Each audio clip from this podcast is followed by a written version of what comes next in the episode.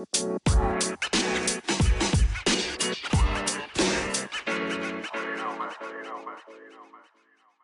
everyone, and welcome back to our podcast. Um, sekarang udah nyampe match day 3 aja, dan match day 2 itu sebetulnya lumayan absurd sih kalau kita lihat itu. Um, sekarang kita mulai aja dulu uh, dari review um, review match day kedua. Ya mungkin mulai dari Inggris dulu kali ya, di mana di luar dugaan itu Inggris ngebantai Norwegia tuh sesuatu yang bikin gue kaget waktu bangun-bangun itu. Ada apa sih dengan Norwegia? Menurut kalian gimana sih sebenarnya? Mana ya? Menurut menurutku ya uh, 8-0 sebenarnya dua gol, dua gol cepat di menit 12 sama 15 yang dari Georgie Stanway sama Lorham itu sebenarnya udah kayak kena mentalnya Norwegia gitu kan. Gol cepat dari penalti Jody Steinway terus dua menit kemudian Lauren Ham di menit 15 itu kayak kena banget uh, ke mentalnya si Norway akhirnya kayak permainan pun nggak uh, berkembang gitu kan. Terus mereka juga bingung gitu kan. Terus kayak Inggris tuh ofensif banget nyerang terus gitu kan. Tapi yang aku lihat di sini tuh kayak peran sentralnya Kiara Walsh sama George Stanway di tengah ya. Kayaknya tuh uh, formasi atau skema yang oke okay lah sebagai Inggris dengan pakai double pivot dan kayaknya Sarina Wiman ini nemu formula oke okay lah di lini tengah nemu formula yang bagus gitu kan antara duet Kerawos sama Jody Steinway jadi kayak serangan dari Norwegia tuh buntu di situ. Mentok di Kerawos sama si Jody Steinway kemudian kayak uh, Guro Reiten kemudian Caroline Graham Hansen itu di tengah pun nggak bisa ngapa-ngapain gitu. Mentok di Kerawat jadi Stanway dan ditambah lagi Norway itu pakai formasi 4-2-3-1 kan. 4-2-3-1 si Caroline Gramansen tuh sebagai ini central midfield. Kalau di Barcelona kan kita lihat sebagai kayak penyerang sayap.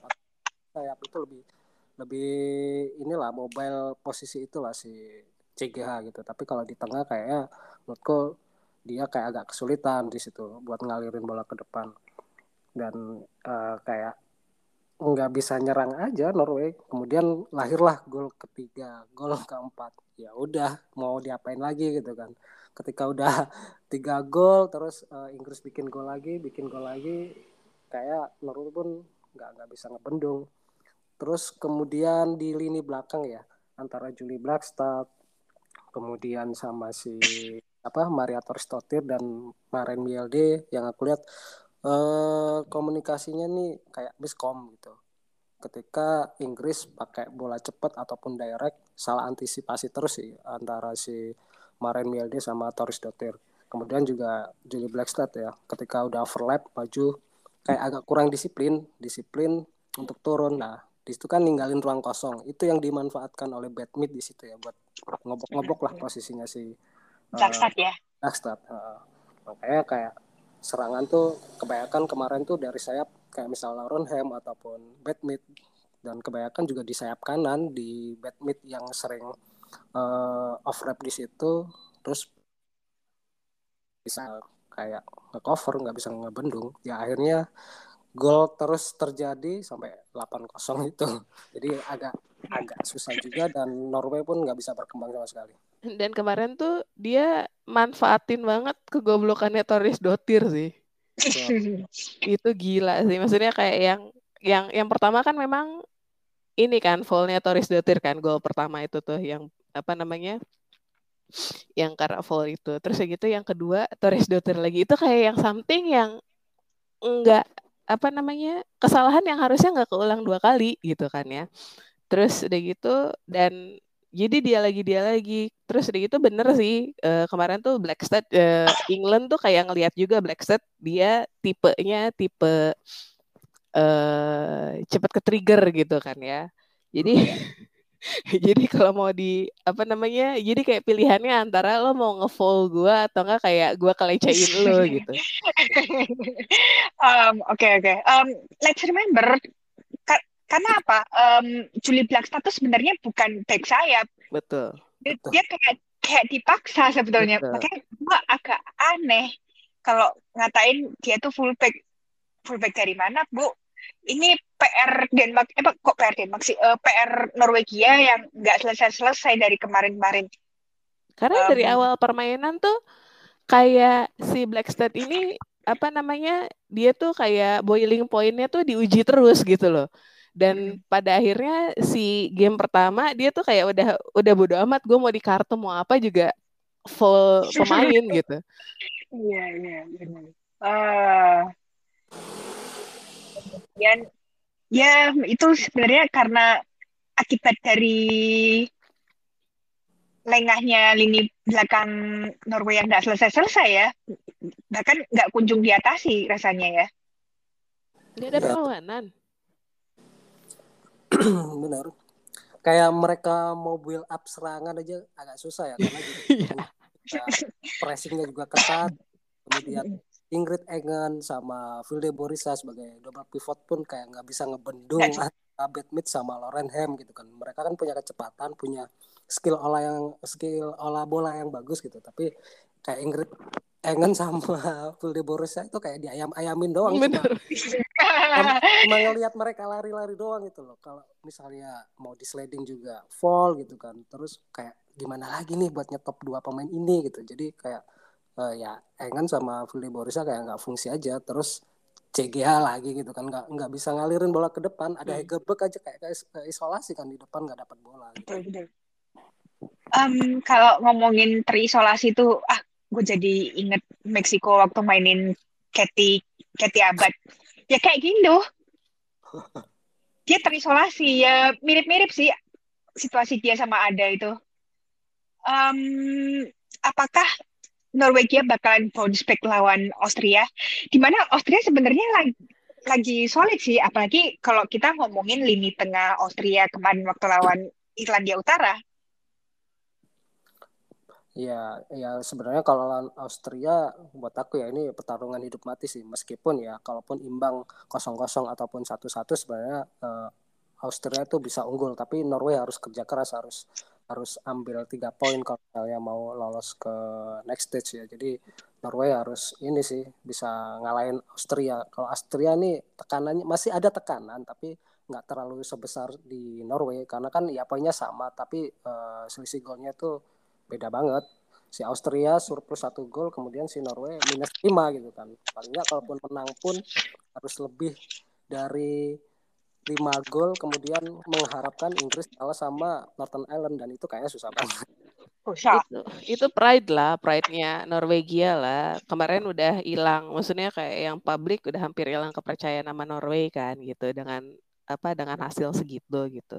Jadi at least kalau misalkan memang dia qualified ke next stage ya lo harus ngembaliin si kepercayaan itu gitu. Jadi publik bisa nonton dia lagi gitu loh. Itu tentang viewer sih sebenarnya. Karena kemarin pas ngecek Twitter ya itu jahat jahat jahat banget omong-omongannya kayak yang lo tuh nggak ngelakuin apa-apa gitu loh. Ada Hegerberg ngomong menyesal juga peduli amat ini udah 8-0 gitu loh. Itu udah jahat-jahat banget netizen tuh. Iya, bahkan ada mungkin udah dari awal kecewa banget sih sama kebobolan beberapa beruntun gitu. Iya, makanya itu benar-benar kayak lo harus recover dan mengembalikan kepercayaan fans-fans lo sih. Susah sih. Iya, iya dan jangan lupa juga um, Norwegia itu pernah ya tahun 2017 tuh benar-benar something to forget lah. Mm, yes. Um, makanya kalau untuk apakah dia bisa beat recover? Ya, we will see lah lawan Austria. Gimana Austria kemarin waktu ngalahin Northern Ireland itu, apalagi dari sisi lini tengah, solid banget sih. Apalagi ada Barbara dan um, Sarah Zadrasil, terus jangan lupa ada Sari, uh, Sarah Puntigam.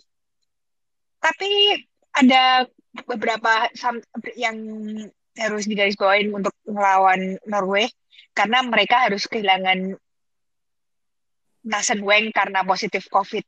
Ya, COVID ini kayak bumerang lah selama Euro ini. Selama semua perhelatan bola sih yang perlu digarisbawahi gitu. Maksudnya kayak Uh, apa namanya? Kita sebenarnya kalau kalau dari Asia sendiri kita udah belajar di Asian Cup kan, di mana India dipaksa kayak ruled out dari permainan gitu kan karena dia nggak punya subs yang memadai gitu. Dan buat gue Asian Cup kan sebenarnya ini Asia ya gitu kan ya. Jadi kayak uh, apa namanya point of view-nya juga harusnya sudah agak mengglobal ya gitu. Tapi buat gimana ya? Jadi kayak kayak nggak ada pembelajarannya aja gitu. Iya. Jadi semua di apa namanya semua playersnya juga kayak ya udah terserah lo mau apa namanya mau lo mau kena covid atau enggak gitu kan ya yang penting nanti kayak yang ya udahlah kita pikirin nanti aja yang penting dibawa dulu gitu. Ya betul banget. Um, kemudian kita ke Denmark lawan Finland. Gimana? Denmark susah payah untuk menang ya satu nol atas Finland um, dan Pernilla Harder menjadi satu-satunya pencetak gol untuk kemenangan Norwegia. Yeah, eh, kok Norwegia atas, kok Norwegia sih Denmark, Denmark atas Finland. Ya, um, apa ya? Sebenarnya um, kuncinya ada di solidnya seorang Tini Korpela sih sebagai kiper Finland.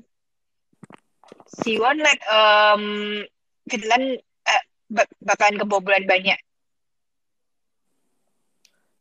Iya, kalau kita lihat di babak pertama kayak agak kesulitan ya. Kesulitan Denmark buat bikin gol ataupun uh, kayak masuk di kotak lah penaltinya Finland. Itu karena kalau yang aku lihat uh, beberapa pemain kayak uh, Sofi Swafa itu nggak uh, dimainin dari awal. Karena sebenarnya Sofi Swafa kan ditaruh di sayap kiri ya. Uh, di beberapa pertandingan tuh dia tuh kayak dari sisi kiri terus habis itu uh, kayak overlap crossing. Nah itu yang yang dibutuhin di di Denmark kemarin nggak ada yeah. Sophie Fava pun uh, kayak kesulitan nggak ada yang ngalirin bola ke depan sampai nih ya sampai Pernil Harder pun ngejemput bola dari tengah gitu jadi hmm. kalau di depan pun nggak dapat bola akhirnya dia mundur cari bola di tengah karena nggak ada hmm. supply bola ke depan itu yang nyulitin uh, Denmark di babak pertama untungnya Denmark respon cepat ya Sofi Swafa dimasukin gitu kan di, di babak kedua akhirnya uh, permainan lebih cair lagi gitu dan akhirnya bisa bikin gol si Panil Harder di menit 72 ya. Ya. Hmm, ya kekalahan Finlandia ini jadi Finlandia tuh cuma menang tiga dari 12 pertandingan di Women's Euro. Dua itu pas lawan Denmark. Tapi Denmark itu akhirnya pecah kelar juga di buat pas ngadepin Finlandia di Women's Euro. Nah sebelumnya mereka nggak pernah menang dari Finlandia saat Women's Euro itu. Ya, habis gimana Finlandia juga sebenarnya di atas angin kan kemarin tuh yang pas bisa ngegolin gitu karena itu satu. Terus udah gitu dua itu benar kata Ijal tadi keputusan untuk masuk masukin pemain yang krusial kenapa harus terlambat gitu loh dan maksud gue kalau misalkan memang uh, apa kalau misalkan memang dia uh, masukinnya lebih cepat gitu kan ya nggak mungkin lah terjadi golnya kemudian lama kemudian Bernel yang ini kan kayak ditumbalin kayak yang abis dia bikin gol terus palanya kena gitu kayak. Iya, tapi untungnya dia nggak apa-apa sih. Iya kan. Itu. itu dia kalau misalkan dia kenapa-kenapa gitu kan ya kan itu benar-benar kayak kunciannya Denmark apalah Betul. jadinya gitu kan kemudian ya katakanlah Denmark qualified ke babak selanjutnya. Amit-amit tok tok tok kenapa kenapa gitu kan ya. Hmm. hilang itu satu pemain kunci gitu kan. Jadi yeah. maksud gue kayak for the next match ya tolonglah agak diperhatikan ininya gitu loh posisinya dan porsinya gitu loh. Apakah memang uh, dimasukin jangan maksudnya kayak iya kita kita tahu banyak yang eman-eman pemain gitu kan ya. Apalagi yang lagi kayak gini, COVID segala macem gitu kan ya. Jadi yang diturunin dia mikir-mikir lagi gitu kan ya. Cuma masalahnya kalau lo sudah yakin akan maksudnya kayak oh ini starter kuncian gue nih gitu kan ya turunin aja gitu. Karena balik lagi ini Euro kita nggak pernah tahu apa yang akan terjadi gitu. Ya, yeah, exactly. Oke, okay, Kemudian Jen, apa, Jerman menang 2-0 dari Spanyol, di mana kita semua tahu Spanyol tuh jelas bakalan unggul kalau ngomongin soal ball position dan penguasaan bola. Itu pasti. Tapi lagi-lagi Jerman ini um, mereka apa ya bermain efektif lah um, kalau ada peluang langsung lah gitu loh dan ini dimanfaatkan dengan baik oleh Clara Bull Clara Bull ini sebenarnya agak sedikit blunder dari Sandra Panyos ya. Kemudian hmm. idernya dari Alex Pop ini di dari lewat corner kick juga. Kok, kok sih? Oh ya um, ngomongin soal Alex Pop um, sebelumnya Alex Pop itu nggak pernah main di Women's Euro karena tiba-tiba ada aja cedera. Nggak Euro 2013 Euro 2017 juga demikian bahkan sebenarnya tahun ini dia sempat ketar-ketir gara cedera itu tapi untungnya just in time dia bisa masuk squad Euro dan akhirnya dia membuktikan kepada publik bahwa dia sebenarnya pantas masuk di squad women Euro-nya Jerman dan masih layak menjadi kapten gitu sih. Alex Pop tuh masih masih layak banget kok sampai the next Women's World Cup juga dibawa masih oke okay banget kok gitu. Karena kan balik lagi kalau kita lihat tim tim seniornya Jerman ya gitu kan ya. Maksudnya kayak yang ya salah satu yang waras ya Alex Pop ya dibandingin kayak Saskia ya kayak gitu-gitu kan. Gitu. cuma maksud maksudnya Sama Anika Kran ya. Eh Anika Kran. Ya gitu kan maksudnya kayak gimana ya jadi kayak yang uh, peluang-peluangnya bagus banget Alex Pop tuh gitu kan ya. Maksudnya kayak yang dia nyiptain peluang-peluang yang memang bisa dieksekusi jadi poin gitu kan ya. Beda sama kayak yang bertusiak sama keren memang dia keras gitu kan ya. Dia challenge-nya bagus cuma memang kadang-kadang suka bikin blunder negaranya sendiri gitu kan. Gitu jadinya kayak yang ya ya lucky to say Jerman punya um, apa pop di ini di Euro kali ini gitu karena benar-benar ngebantu sih keberadaan pop tuh. Kemudian sebenarnya um, Jerman itu juga rada terbantu dengan recovernya seorang Marina Hegering. Di mana Marina Hegering kan sepanjang musim dia harus berkutat dengan cedera, apalah gitu. Terus habis itu untung dia masuknya juga pas itu dan ya so far lini tengah Jerman masih cukup safe lah Hmm. Karena mengingat um, Martina Vos sendiri udah mencoret um, maksimal, di mana banyak orang yang marah banget ke um, Martina ini gara-gara Ral dicoret, terus juga Jana Velkam juga dicoret. Dan, tapi untungnya um, Marina Hegering recovernya pas banget ya pas mau Euro itu ya. Gue itu sebenarnya nggak pernah lihat center back Jerman yang sesolid seorang Marina Hegering. Iya, kebantu banget sih uh, recovernya Marina Hegering di sektor pertahanan ya. Jadi kayak agak nguatin mental sama nambah power lah. Tapi yang aku lihat dari Jerman Spanyol nih kemarin tuh seru sih, seru dalam artian gini. Uh, Jerman tuh benar kata Mbak Nina ya, main lebih efisien, lebih efektif daripada Spanyol yang cuma ball position cuma passing-passing doang di tengah gitu kan. Terus nggak nggak jelas mau dialirin ke depan nih ke mana gitu kan. Kayak kehilangan jenderal sekelas kayak Alex Puteas nggak nggak bisa main di situ. Kayak uh, untuk diunggulkan di tengah dengan ngandelin Aitana Bonmati pun itu kayak masih agak susah gitu kan. Jadi ya Spanyol kemarin tuh ya main di tengah aja muter-muter passing passing doang gitu kan, gitu kan terus kemudian yang aku garis bawahi adalah Spanyol tuh selalu hilang konsentrasi di menit awal. Ketika lawan Finland pun kita uh, mereka kan kebobolan di menit awal ya. Mm. Kemudian lawan Jerman dengan blundernya Sanda Panos itu kan baru menit berapa tuh tiga kalau nggak salah salah passing di, ke Clara Bull kan akhirnya bisa bikin gol. Jadi penyakit hilang fokus di menit-menit awal nih sebenarnya jadi uh, concern buat ini sih Spanyol gitu kan. Terus bermainlah lebih efektif gitu loh. Uh, maksudnya ya kalau lo misalnya di tengah udah passing-passing ya majulah ke depan bikin penetrasi gitu kan jangan cuma uh, nongkrong doang maksudnya di tengah gitu. uh, dipasangnya Laya Alexandri di tengah tuh kayak bukan solusi sih gitu. Enggak, enggak, enggak, enggak. Dia tuh bukan tipe-tipe itu sih. Dia tuh lebih ke defender. Iya, ya mau pick mau pick sayap atau center back, tapi memang um, Laya Alexandri itu sebetulnya menurut gue ya nggak terlalu istimewa kalau melihat dia perform. Iya, kita nggak tahu kan kalau di Man City kayak apa. Iya makanya kayak line up keluar kan anjir. Alexandri di tengah bisa apa nih orang gitu? Di tengah ada itu agak aneh sih aneh. Makanya gue mikirnya kenapa nggak Amayur aja sih? Kalau Amayur main udah selesai masalah lo iya kan bener. Terus kayak Patrick Guyaro sama Etana Bonmati juga di tengah cuma dua orang itu doang kayak kerjasama sama si Laya Alexandri pun kayak nggak ada kerjasamanya gitu.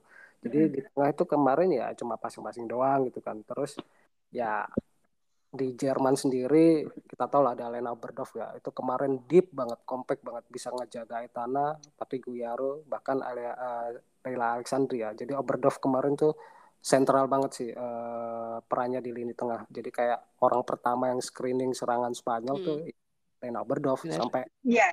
sampai akhirnya dapat kartu kuning ya emang kerja kerasnya dia gitu kan terus masuk babak kedua nih babak kedua otomatis Spanyol bakal lebih offense dong masukin kalau dia Pina dan pemain-pemain uh, offense lainnya. Dan di sini kecerdikan MVT adalah menarik si Feli Rauh masukin si Sophia Clairhain. Dia tahu bahwa Feli Rauh ini bakal kedodoran lah buat main cepet gitu kan. Akhirnya dimasukin pemain muda Sophia Clairhain yang punya apa ya uh, screening atau pembacaan permainan yang lebih bagus. Kemudian Alex Pop juga ditarik. Kenapa? Karena udah mulai habis nih, udah mulai turun. Masukin lah Tabea Wasmut itu bakal lebih kompak lagi kan di tengah. Kemudian Sarada Bridge juga kayak udah agak bingung gitu kan di tengah. Masukin Linda Dalman. Jadi kayak uh, substitutionnya MVT ini efektif banget. Jadi kalau aku bilang kemarin tuh kemenangan taktik lah buat Jerman atas Spanyol. Jadi MVT kemarin tuh di pertandingan kemarin ya master class taktik lah buat buat aku kemarin tuh. Iya, untuk masukin maksudnya kayak Spanyol masukin Claudia Pina satu yang ditarik banyak gitu. Itu kayak wah gila sini ini benar-benar kayak kelihatan gitu dibaca gitu kan ya gamenya gitu. Jadi kayak yang nih siapa nih yang udah maksudnya kayak yang seniors gitu kan ya yang udah kedodoran yang udah apa gitu kan ya. Daripada daripada maksudnya kayak yang daripada gue invest di itu gitu maksudnya kayak yang uh, apa seniors gitu kan ya. Mereka juga udah main gitu kan ya gue masukin deh gitu kan yang lain gitu. Dia dan memang maksudnya kayak yang lainnya juga punya porsi sendiri gitu kan. Jadi kayak yang gue pas ngeliat semua dimasukin kayak ini buat Pina satu tiga loh yang dimasukin sama Jerman nih kampret yeah. emang. Ya yeah, well um, kayaknya kehilangan Alexia tuh bener-bener pukulan telak ya buat Spanyol. Lebih dari itu malahan ya. Kayak yeah. kayak Spanyol tuh kayak nggak ada yang ngarahin ya kayak nggak ada leader kan di tengah kayak mm-hmm. sama Pati Guyaro pun kayak kebingungan di tengah gitu loh. Bingung, bingung. Ke depan tuh kayak apa? It, it is like um, nggak ada Alexia, gue bisa apa gitu. Kayak wah gila. Iya, apalagi yang dilawan Jerman ya. Kita tahu yeah. Jerman mainnya textbook banget terorganisir gitu loh. Kalau kalian nggak punya taktik yang bisa memecah deadlock ya susah buat lawan Jerman yang main textbook dengan skema permainan yang udah terkonsep ya misalnya dari belakang build up kemudian ke tengah. Habis ke tengah kita passing ke mana nih ke depan atau ke sayap. Itu udah textbook banget lah udah konsepnya sepak bola Jerman banget lah. Jadi kayak ya agak susah ngelatih tim dengan konsep kayak gitu. Dan ya balik lagi Spanyol kayak kehilangan arah doang gitu. Jadi dari belakang tengah udah mandek di situ doang gitu. Nggak bisa ke mana-mana lagi ya. Apalagi Jerman juga bermain tanpa Lea Schuller ya.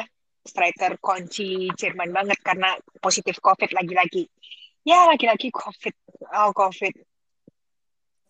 Iya, untungnya eh, nggak uh, ada Lea Schuller pun beberapa pemain cadangannya tuh levelnya masih sama lah sama hmm. starting jadi kayak gapnya tuh nggak terlalu jauh jadi buat aku kemarin kehilangan Lea Schuller pun nggak terlalu ngefek ya jadi ya masih masih ini aja skema permainan masih jalan.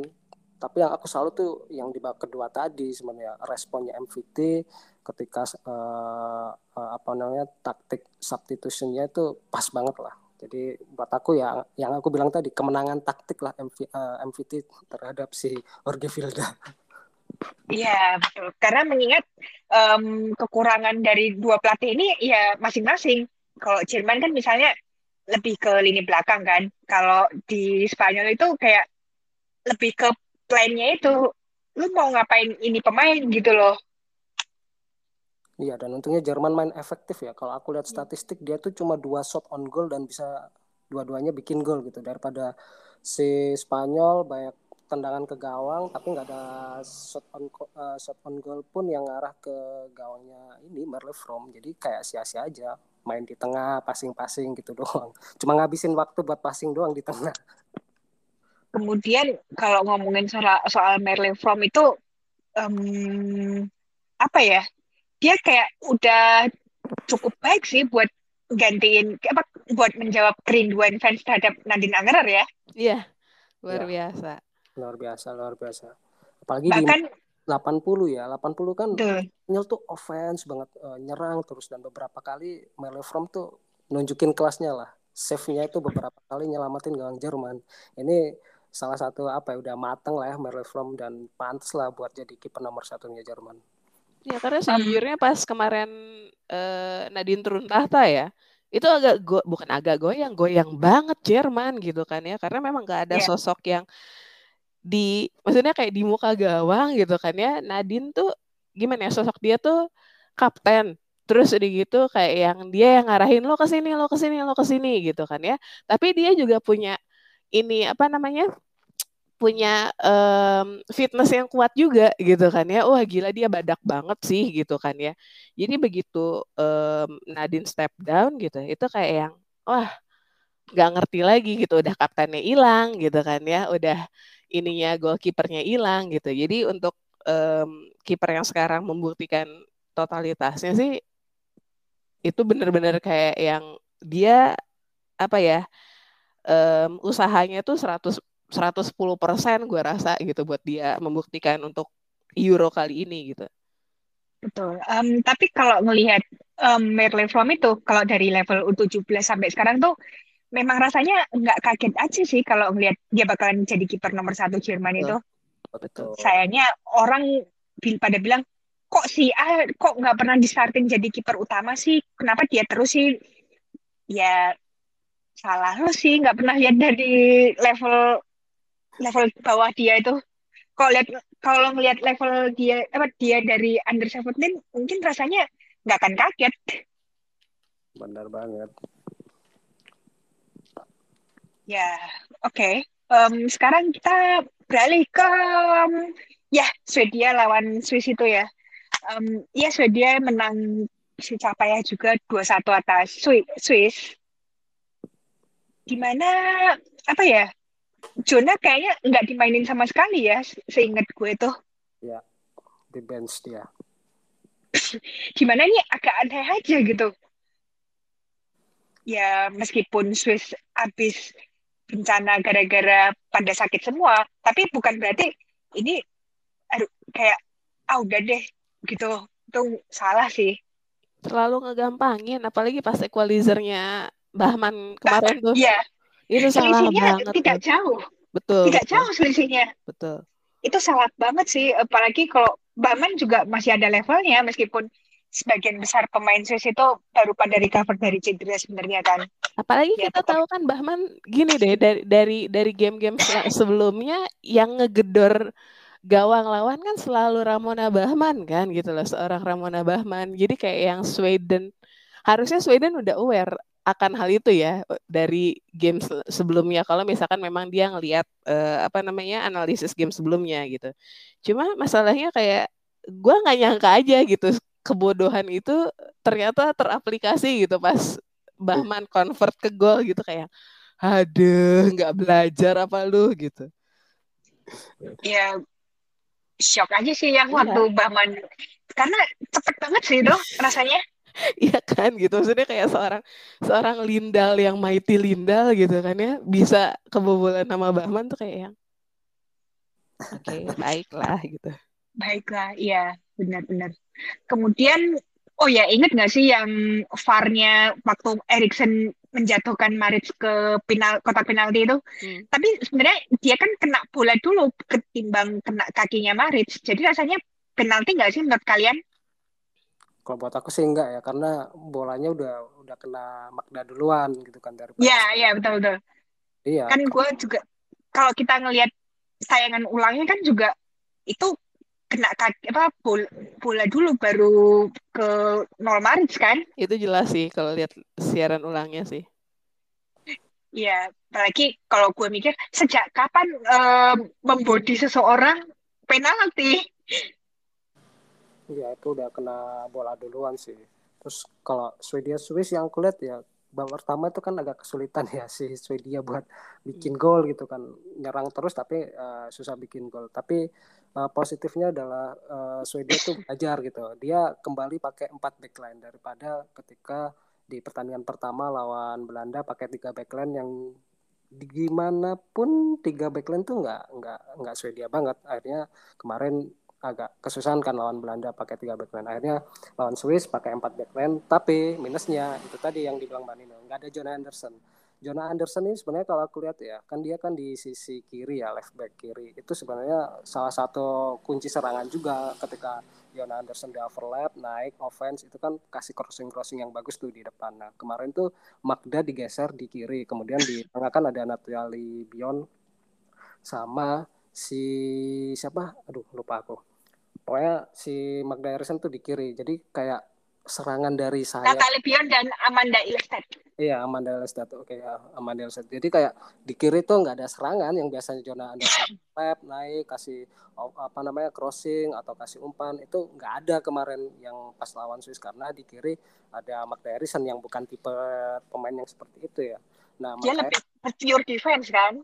Iya, pure pure defense gitu.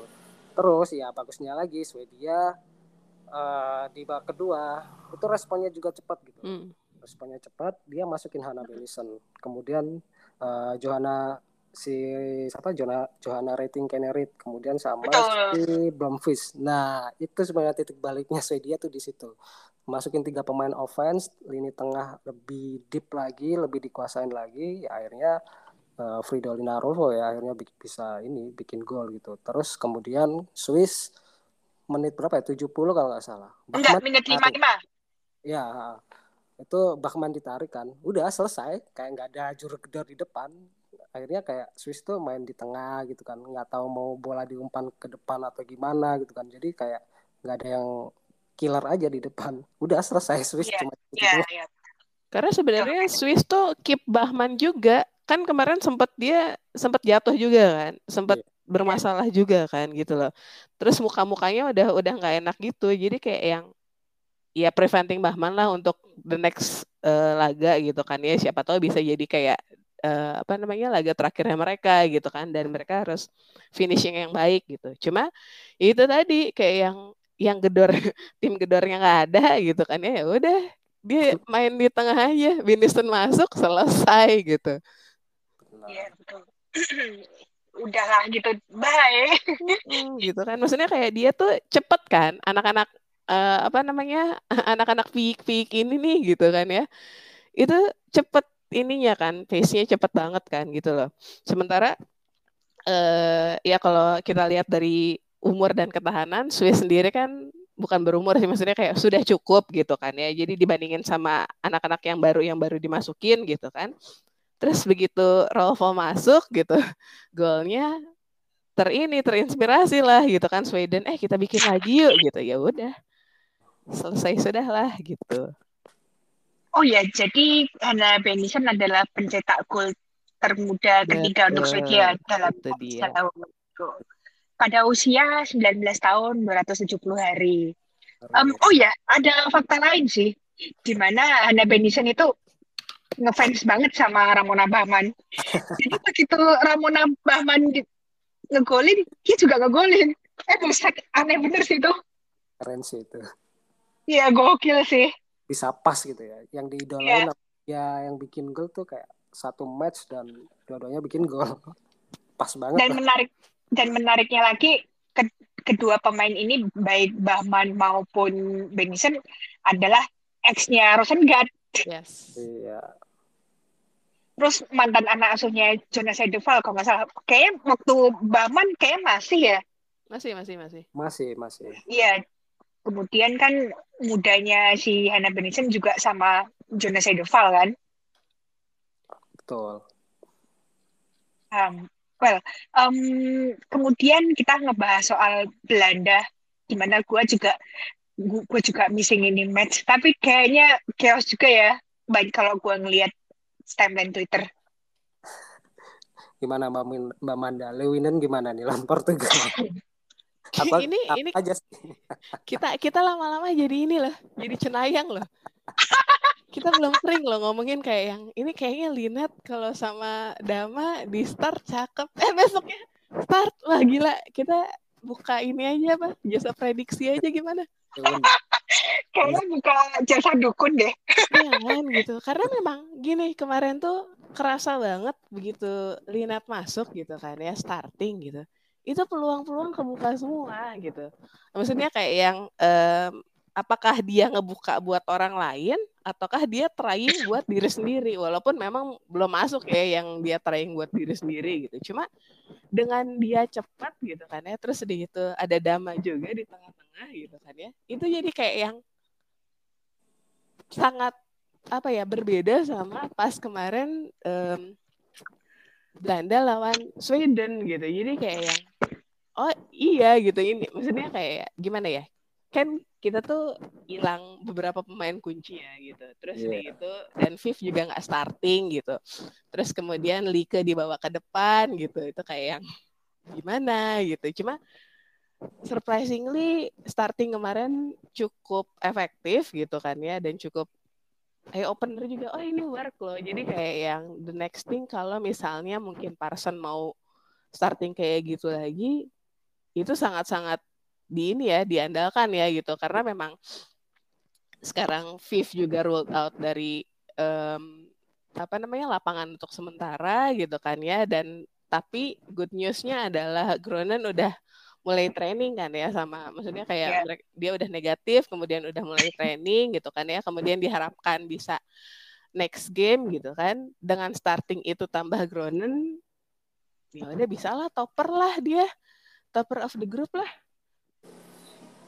Iya, apalagi unggul produktivitas kan. Kalau misalkan mereka nggak kebobolan dan konsisten, bukan tidak mungkin mereka top of the group Belanda ini. Nah, betul betul betul dia dia cuma cuma ininya aja sih disiplinnya aja sih karena kemarin kan sebenarnya kebobolan dua dari Portugal tuh unnecessary sih kalau kata gua bilang gitu kan ya karena memang apa ya khasnya Belanda gitu. Udah dua gitu.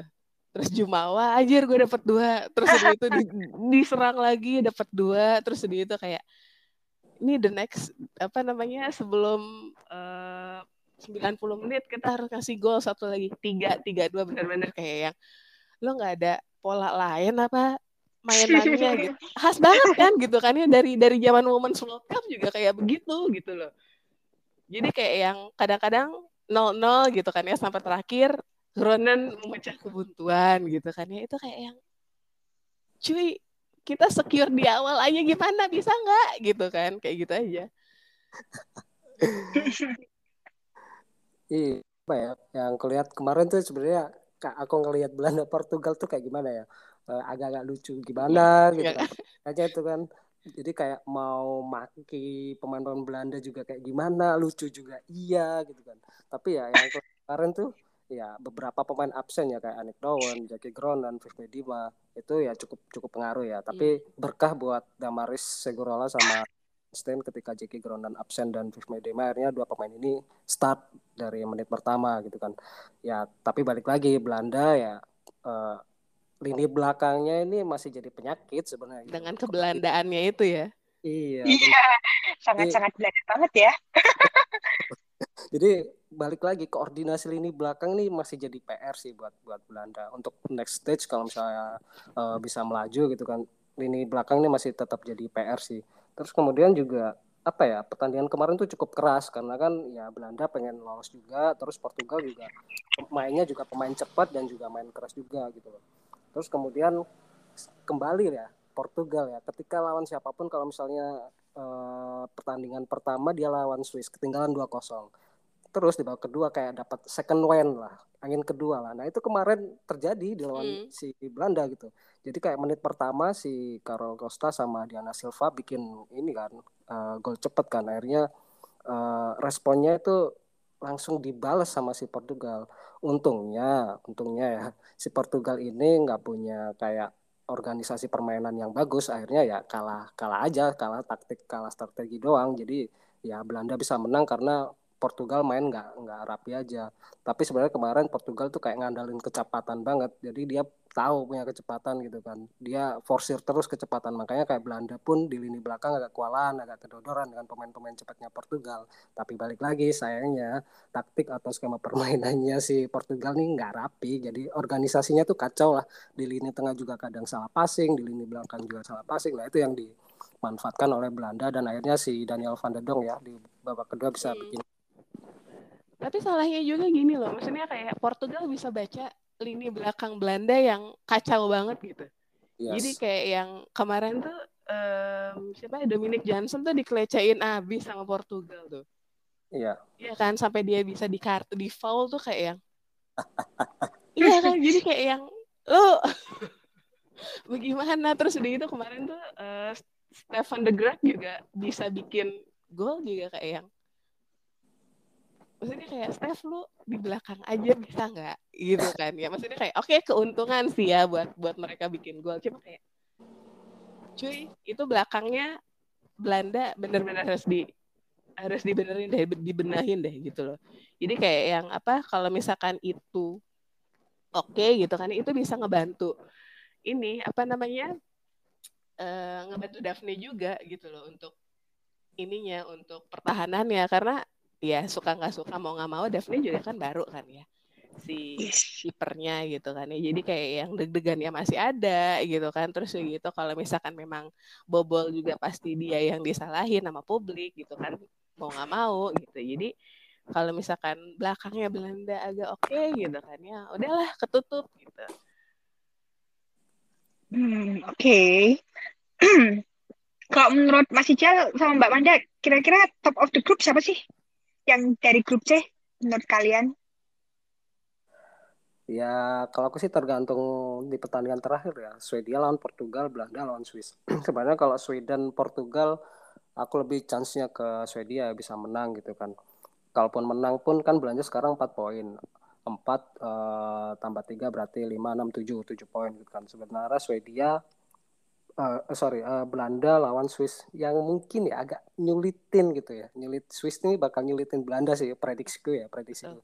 jadi kalau misalnya pun menang ya oke okay, bakal juara grup gitu. Si Belanda uh, si ya Belanda tinggal bikin berapa gol gitu. Sebenarnya kalau yeah. pun sama gitu kan uh, plus satu gitu. Jadi kalaupun Belanda menang ya nanti tetap uh, ini sih tetap tetap jadi juara grup. Terus dia di runner up Nah, yang jadi masalah adalah Belanda lawan Swiss. Swiss ini bakal nyulitin gitu kan. Kita juga agak masih apa ya, buat Belanda untuk menang pun chance-nya ya masih gitu kan. Tapi kok agak dipertanyakan gitu kan. Swiss juga lagi oke okay juga permainannya gitu. Yeah. Kalaupun nanti imbang pun ya sebenarnya Swedia masih masih aman sih. Sama asli. Oh, so, so. gue juga mikirnya gitu kalau misalkan akhirnya si apa namanya Swiss dan Belanda imbang gitu kayak yang nggak heran gitu Iya, yeah, iya. Yeah. Imbangnya tuh kayak satu-satu atau dua-dua gitu kan ya. Itu sangat nggak heran sih gitu. Ya betul sama sih. Um, pokoknya runner up ini siap-siap aja ketemu Prancis di quarter final itu satu sih. Wah itu gila sih itu kalau ketemu Prancis. Lagi kalau misal amit-amit cabang bayi Sweden yang ketemu Prancis ya. Iya iya. Dan sebenarnya Portugal itu, ini masih punya kans loh kalau iya. misalnya yeah. Swiss menang lawan uh, Belanda dan Portugal lawan Swedia mereka masih punya kans poinnya sama empat tinggal uh, nentuin sisi gol doang sebenarnya Iya. Yeah, tinggal berapa yang mereka bikin gol kebobolan berapa gitu aja sih sebenarnya kalau Portugal bisa menang Swedia juga bisa menang mereka masih bisa uh, punya peluang buat lolos ke next stage Iya makanya Ramon Abahman di eman-eman kan kemarin langsung ditarik yeah. tuh pas kemarin yeah. si ininya apa namanya agak-agak kena gitu. Jadi kayak yang ya udahlah lo nggak usah main banyak-banyak langsung ditarik dia. Betul itu buat uh, nanti match abis-abisan ya lo yeah, save the best for the last. Betul. Oke okay. kemudian beralih ke Italia lawan Iceland. Gimana pertandingan ini berakhir imbang satu sama? Um, yang perlu gue garis bawain tuh sebenarnya kalau dari gue ya Italia tuh kacau banget saat defend di set pieces ini gila banget sih bayi yang waktu long throw innya John Stotter itu mereka jadi korban pertama ya. Iya. Apa ya? Itali kayak masih belum belajar ya, habis dibantai sama Prancis. Jadi lini belakang, kemudian organisasi permainan masih belum jelas ya kalau yang aku lihat ya. Jadi uh, organisasi masih belum jelas. Kemudian untuk starting gitu kan, starting kemarin lawan uh, si Islandia. Islandia. Kenapa nggak mainin dari awal itu kayak Krisna Girelli ataupun Bonansea gitu kan. Itu sebenarnya kalau misalnya di starting masuk di line up utama mungkin mereka bisa bikin gol dan mungkin bisa menang di pertandingan tapi dua pemain andalan ini malah dikip di bangku cadangan akhirnya ya mau nggak mau di babak kedua uh, apa namanya dimasukin gitu kan tapi ya akhirnya ya nggak nggak nolong juga akhirnya satu-satu juga gitu well terus kemudian oke okay.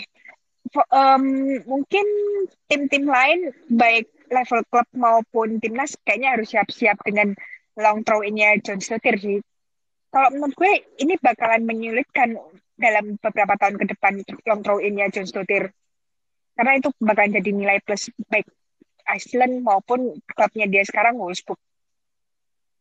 Iya, mungkin kalau di tim sepak bola lain ya build up serangan tuh dari belakang, tengah, kemudian ke depan dengan passing-passing cepat gitu kan. Kalau Islandia ini dari long throw innya John Stotir pun bisa jadi build up serangan gitu. Jadi Betul. peluang gitu. Jadi ya cukup berbahaya sih kalau misalnya uh, Islandia dapat uh, throw in kemudian yang pegang si Swedish Jensdot John Stottir apalagi masuk ke lini pertahanan lawan itu itu bahaya sih harus diantisipasi. Oke, okay, kemudian um, sedikit fact sih, Italia pertama kalinya terhindar dari kekalahan Euro setelah sempat ketinggalan lebih dulu. Ini terakhir itu mereka kayak gitu Euro 2009 lawan Inggris. Kemudian uh, umumnya Azure itu selalu kalah. Ya kalau pas kebobolan duluan itu.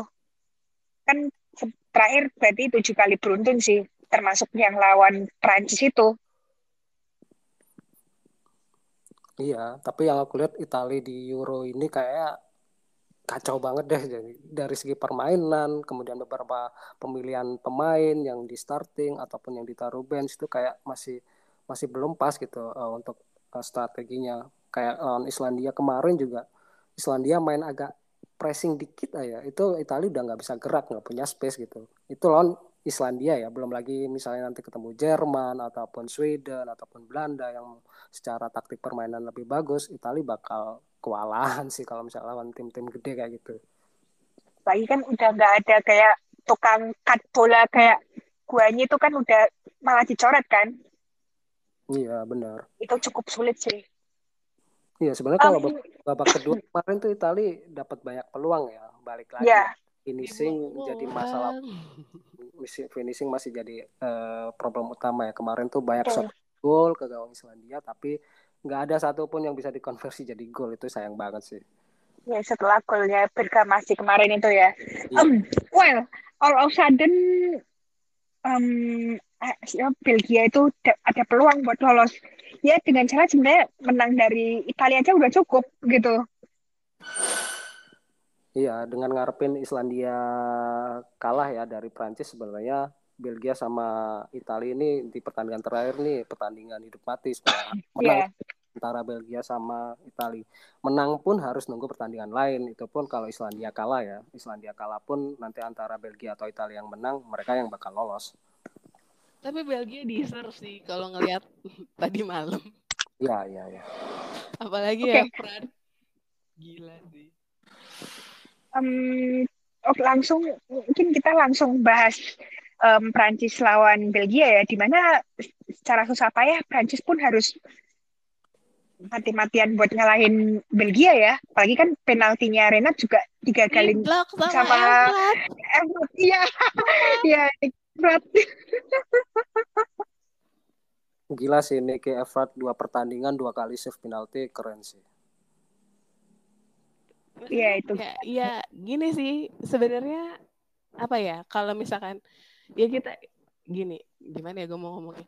Jadi um, untuk uh, dia stopping Renard emang jago banget sih gitu kan ya karena kan kita tahu powernya Renard seperti apa ya entah dari kepala entah dari kakinya semua kayak itu kayak kilometer per jam aja dia hitungannya gitu kan. Sementara kalau gue lihat sih sebenarnya Everett tuh mateng banget loh buat jadi goli gitu ya. Maksudnya kayak yang dia udah sama tim itu udah beberapa ini gitu kan ya beberapa um, championship gitu kan. Kemudian dia kayak apa ya pembawaannya mateng aja gitu. Kemarin juga santai banget pas ngeblok si golnya Renard kayak ini ketangkep nih, ini ketangkep, ini ketangkep loh.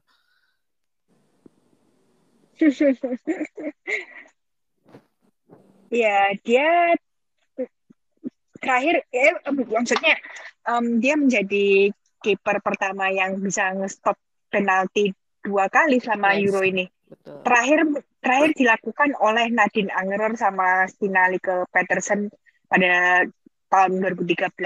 Ya, hampir 10 tahun lalu lah. Nadine Angerer tuh emang gak ada matinya loh. Iya. Gak ada obat.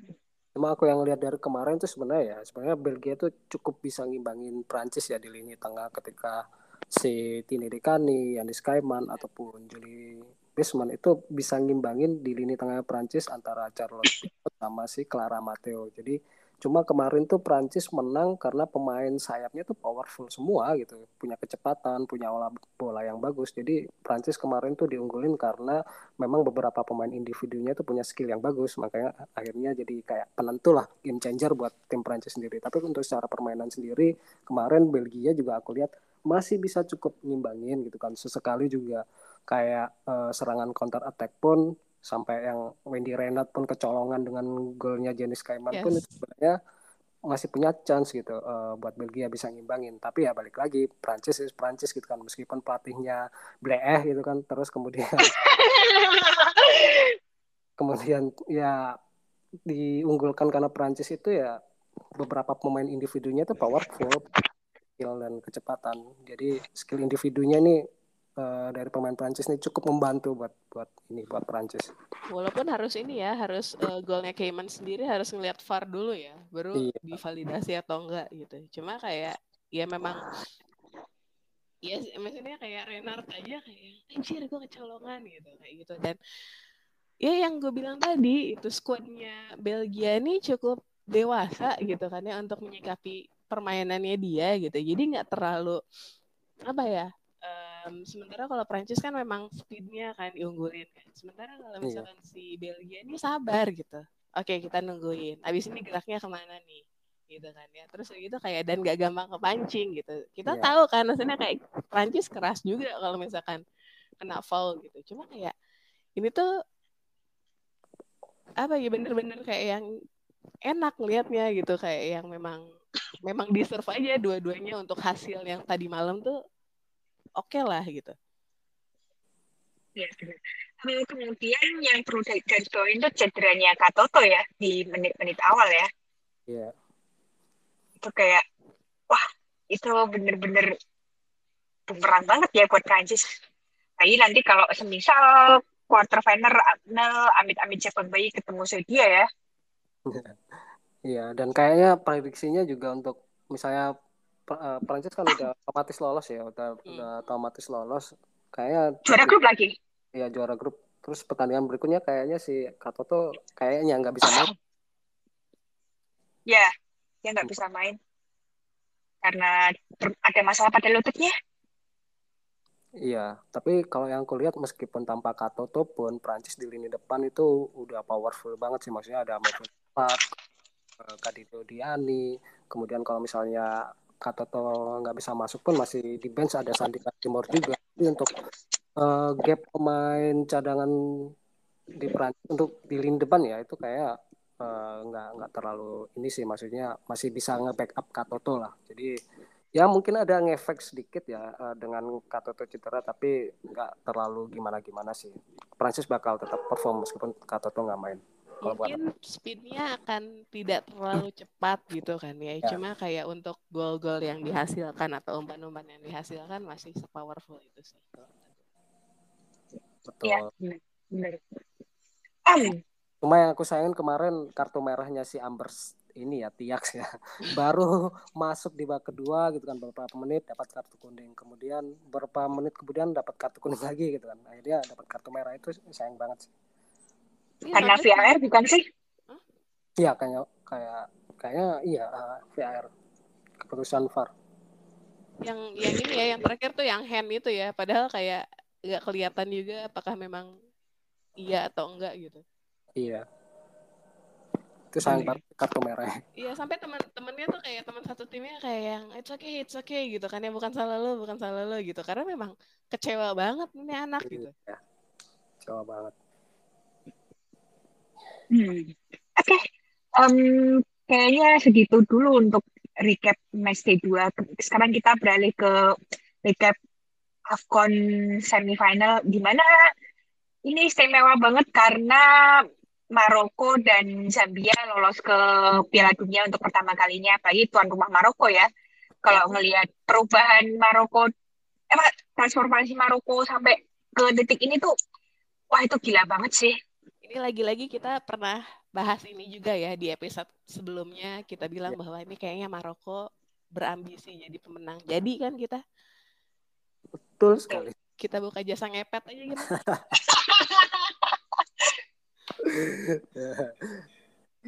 benar benar benar. Jadi kayak semua prediksi tuh kayak di Women's Euro, CONCACAF ataupun di AFCON sendiri kayak hampir menuju ke 100% ya prediksi kita. Iya, iya. Kayak yang oke baiklah tapi memang juara sih maksudnya kayak Maroko sendiri kebantu sama memang dia ini ya dia jadi host ya gitu Yes. jadi kayak yang eh, apa namanya dia eh, untuk membuktikan pada publiknya bahwa gua qualified nih gitu kan ya masuk Women's World Cup itu ini banget sih maksudnya kayak yang eh, maksudnya kayak selain dari permainannya dia gitu kan ya si publik juga dukungan publik juga sangat-sangat mendukung untuk kemenangannya Maroko sih kalau kata gua Kemudian Zambia juga tanpa Banda ya. Eh, ini lucu, ini lucu, Iya, ini iya, lucu. Karena kan karena eh, CAF sendiri bilang kemarin bermasalah kan si Barbara Hmm. Sama hormonalnya kan. Katanya dia tidak ter- tidak tidak cukup perempuan untuk ikut si WAFCON ini gitu kan. Tapi dengan dengan kita lihat dukungan Barbara Banda dari international ini ya apa namanya dari eh, netizen internasional terus gitu organisasi segala macem gitu kan ya akan menjadi lucu apabila gitu kan ya Barbara Banda di ban pas kualifikasi gitu kan ya ternyata FIFA membolehkan dia masuk gitu untuk eh, katakanlah kalau pas Women's World Cup gitu kan ya di di ACC gitu untuk dia main itu kayak yang logikanya di mana CAF gitu Iya, kayaknya si AF emang sering kontroversi nggak sih? Apalagi kalau otoritas olahraga Afrika itu. Iya, karena dia ngerasa, maksudnya kayak yang dia powerful kan, kayak gitu. Dia gua yang punya otoritas gitu loh. eh, apa namanya siapa pun yang mau apa tampil gitu kan ya harus izin gua dulu. Gitu. Oke. Iya dan kalau ngelihat kemarin ya pertandingan Zambia Senegal itu kan satu-satu terus dilanjutin adu penalti juga itu sebenarnya seru sih adu penaltinya ya kehilangan Barbara Banda sebenarnya ngefek banget buat Zambia akhirnya cuma satu-satu doang di waktu normal. Ini dilanjutin dengan adu penalti. Untungnya di adu penalti juga Zambia bisa unggul lawan eh, Senegal gitu kan. Jadi kayak hilangnya Barbara Banda di Zambia kemarin tuh ngefek banget gitu. Terus untuk Maroko Botswana Ya balik lagi ya sebenarnya yang kita udah bilang di episode-episode sebelumnya Maroko ini sebenarnya apalagi dia host gitu kan terus berambisi buat lolos ke Women's World Cup akhirnya terjadi gitu kan. Ya syukur-syukur nanti bisa sampai final dan bisa juara itu bonus. Tapi target mereka kan bisa lolos ke Women's World Cup ya. Kemudian lawan Botswana. Ya kita tahu lah kekuatan Botswana itu seperti apa gitu kan ya masih di level Afrika mah masih bisa di atasin lah sama, sama Maroko. Jadi kayak Maroko kemarin tuh kayak dominasi pertandingan banget. Jadi Botswana itu cuma kayak parkir bis di belakang, Hmm. nggak tahu mau nyerang kayak gimana, udah deadlock di eh, lini tengah mau build up ke depan juga agak susah lawan Maroko dengan eh, kekuatan ini ya 12 pemain ya salah satunya satunya itu dari supporter mereka mereka Oke. Em, kemudian Nigeria juga lolos ke Piala Dunia untuk seven konsekutif alias tujuh kali beruntun. Eh, kemudian um, dua kali beruntun juga buat Afrika Selatan, di mana yang satunya ini juga udah cukup terprediksi kali ya. Iya, cukup terprediksi sebenarnya Kamerun Nigeria sebenarnya kemarin kalau aku lihat ya pertandingannya cukup cukup cukup berimbang ya apalagi di lini tengah gitu lini tengah mereka cukup kuat antara Kamerun dengan Nigeria. Tinggal mereka itu cuma cari lengahnya lawan aja gitu. Akhirnya Nigeria dapat uh, chance dapat kesempatan uh, apa namanya manfaatin kelengahan dari Kamerun ya akhirnya si Rasidat Ajibade ya yang yang main di Atletico akhirnya bisa, bisa bikin gol gitu. Terus kemudian ya kayak aku bilang tadi cuma passing-passing di tengah doang. Terus banyak foul juga banyak pelanggaran. Karena kan ini quarter final pertandingan yang cukup keras dan ketat akhirnya banyak beberapa foul dan kartu kuning tapi ya oke okay lah Nigeria bisa bisa lolos dengan permainan keras dan juga uh, manfaatin kelemahannya dari Kamerun.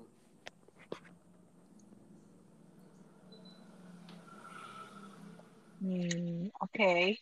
Terus well. untuk di South Africa sama Tunisia, ya sebenarnya pertandingannya juga sama sama Kamerun. Uh, agak berimbang gitu kan. Tapi di sini Afrika Selatan agak sedikit unggul dominasi di pertandingan gitu kan. Terus juga minim shot on target juga, banyak main di tengah juga, banyak pelanggaran juga, cukup ketat juga. Tapi ya Afsal ini kan punya pengalaman ya daripada si Tunisia ya ini deserve juga sih buat lolos ke semifinal dan uh, ngelawan siapa sih Afsal tuh Zambia ya di semifinal. Afsal tuh Zambia kalau nggak salah. Ya, ya. Oke, okay, um, kita lanjut ngomongin Konakaf, gimana um, kedua tim baik Amerika Serikat maupun Kanada sama-sama menang dengan skor 3-0, di mana Amerika mengalahkan Costa Rica dan Kanada mengalahkan um, ya Jamaika. Um, tapi tadi gue cuma nonton Jamaika lawan Kanada itu sih, dan itu Adriana Leon itu bisa bikin satu asis satu gol di mana dia kan keluar dari bangku cadangan tuh tadi dia bikin asis untuk golnya Alisa Chapman dan golnya buat dia sendiri dan ini dia barusan direkrut sama MU juga sih Iya, tiga kosong uh, USA, Costa Rica, Kanada, Jamaika juga tiga kosong. Jadi sebenarnya pertandingan pertama kan eh, USA ya lawan Costa Rica. Sebenarnya udah ketebak sih maksudnya secara level permainan juga uh, bakal uh, Amerika gitu kan yang, bakal menang dan bakal lolos ke final. Tapi ya uh, yang aku garis bawahi di sini Amerika di turnamen ini tuh benar-benar ngasih ruang lah untuk pemain-pemain muda. Aku salutnya di situ sih. Jadi kayak ngandelin beberapa pemain muda dan memang udah saatnya gitu loh untuk pemain-pemain ini untuk show off daripada harus uh, lu mainin Megan Rapino lagi kemudian si Alex Morgan lagi. Itu sebenarnya udah udah lewat gitu kan. Tapi kalau yang punya permainan tadi biasanya main lebih terorganisir ya lebih terorganisir. Kemudian di lini tengah itu udah kuat banget ada Roslavel, Insehoran kemudian di depan juga Sophia Smith sama Mallory Pugh ya yang yang yang di depan gitu. Jadi Emily Sonet untungnya bisa bikin gol, Mallory Pugh juga kemudian juga Ashley Sanchez di menit terakhir babak kedua gitu terus juga ke Costa Rica sendiri kayak agak sulit ngembangin permainan. Kemudian juga Amerika juga ngasih pressing juga. Jadi kayak Costa Rica pun susah buat build up serangan buat ngerancang serangan. Untuk menyerang ke Amerika pun susah karena memang uh, eh, USA ini kasih pressing dikit ya ke, ke bahkan kalaupun kita lihat dari starting line up ataupun formasinya itu sebenarnya Costa Rica tuh main dengan 5-4-1 dengan parkir bis dengan lima pemain belakang kemudian numpuk empat pemain di tengah dan satu uh, orang striker. Itu pun nggak bisa kayak membendung serangan dari USA jadi tetap apa ya akan akan kalah sih. Akan kalah dan tetap USA yang yang yang ini yang bakal lolos sebenarnya karena harus kita akuin juga sih kalau misalkan si apa namanya squad USA yang sekarang ya, itu tuh kayak um, apa namanya sebelumnya dia U20 Women's World Cup gitu dan mereka sempat ma sempat menang gitu dengan posisi yang sekarang gitu kan ya ada Ashley Sanchez, terus ada gitu ada Trinity Rodman, terus kemudian uh, Ross Lavelle gitu. Uh, Mallory Pugh juga kan dia uh, apa namanya sosok sentral juga di situ gitu kan ya kemudian dengan ada Lindsay Horan di situ gitu kan itu benar-benar kayak youth timnya USA gitu. Jadi kayak kalau misalkan seperti itu ya apa namanya Costa Rica juga ya ngerti sih kalau misalkan memang akhirnya dia pakai bendungan lima gitu kan ya. Jadi jadi kayak yang bener-bener kayak dia dia nahan serangan dari ah, kanan kiri atas bawah gitu loh. Iya bener kayak atas bawah gitu ya. Iya gitu. Jadi kayak yang memang sudah sudah dapat dipastikan gitu kan ya. Kalau misalkan memang kalian apa ngelihat dulu-dulunya ya tim ini gitu kan ya. Karena tim ini juga tim U20 Women's World Cup. Jadi kayak yang ya udah gitu. Dan mereka menang gitu. Ini terjadi lagi di seniors gitu. Ya apa mau iya, dikata? iya. kita bendung lah serangan gitu. Daripada apa namanya kebobolan banyak gitu. Ya betul kemudian kita bahas lagi soal oke okay, finalnya kan dia lagi dia lagi kan um, Amerika lawan Kanada um, nanti kick off-nya itu Selasa pagi pukul 9 dan kalian bisa nonton langsung di YouTube channelnya Konkakaf. Um, venue-nya gimana sih? Um, main di BBVA, eh, eh Stadio BBVA, betul. Kira-kira apakah Kanada bisa memanfaatkan klinik mereka selama Konkakaf atau justru Amerika yang Flatko sering dikritik habis-habisan malah malah jadi juara gitu. Iya, kalau buat aku sendiri uh, ini udah kayak yang udah diprediksi USA lawan Kanada di final gitu kan. Cuma yang aku lihat di sini USA lawan Kanada itu sebenarnya permainan tuh cukup berimbang sebenarnya. Dua pemain uh, dua tim ini kan punya pemain kuncian masing-masing dan cukup work lah untuk di lapangan gitu bisa diandelin. Cuma ya kalau aku ngeliat USA build up serangannya sih dari tengah yang ngandelin Roslavel, hmm. ada Sehoran gitu kan yang cukup kuat gitu kan di tengah. Kemudian kalau yang aku lihat di Kanada itu sebenarnya ngandelin manfaatin dari sisi sayap. Kita tahu ada Janin Becky, kemudian Jess Fleming itu kan uh, punya crossing bagus, terus penetrasi dari sayap juga bagus. Jadi sebenarnya dua-duanya ini cukup berimbang tapi dengan skema permainan yang berbeda. USA dengan di lini tengahnya, kemudian di Kanada itu di sayapnya gitu kan cuma kedua defense-nya ini jangan sampai lengah lah jadi salah satu tim ini defense-nya lengah itu bakal bakal bahaya banget. Jadi intinya tetap fokus selama 90 menit. Jangan sampai bikin kesalahan-kesalahan terutama di lini belakang ya antara Kanada maupun dari USA gitu kan. Jadi fokus tiap menitnya gitu kan. Jangan jangan sampai lengah.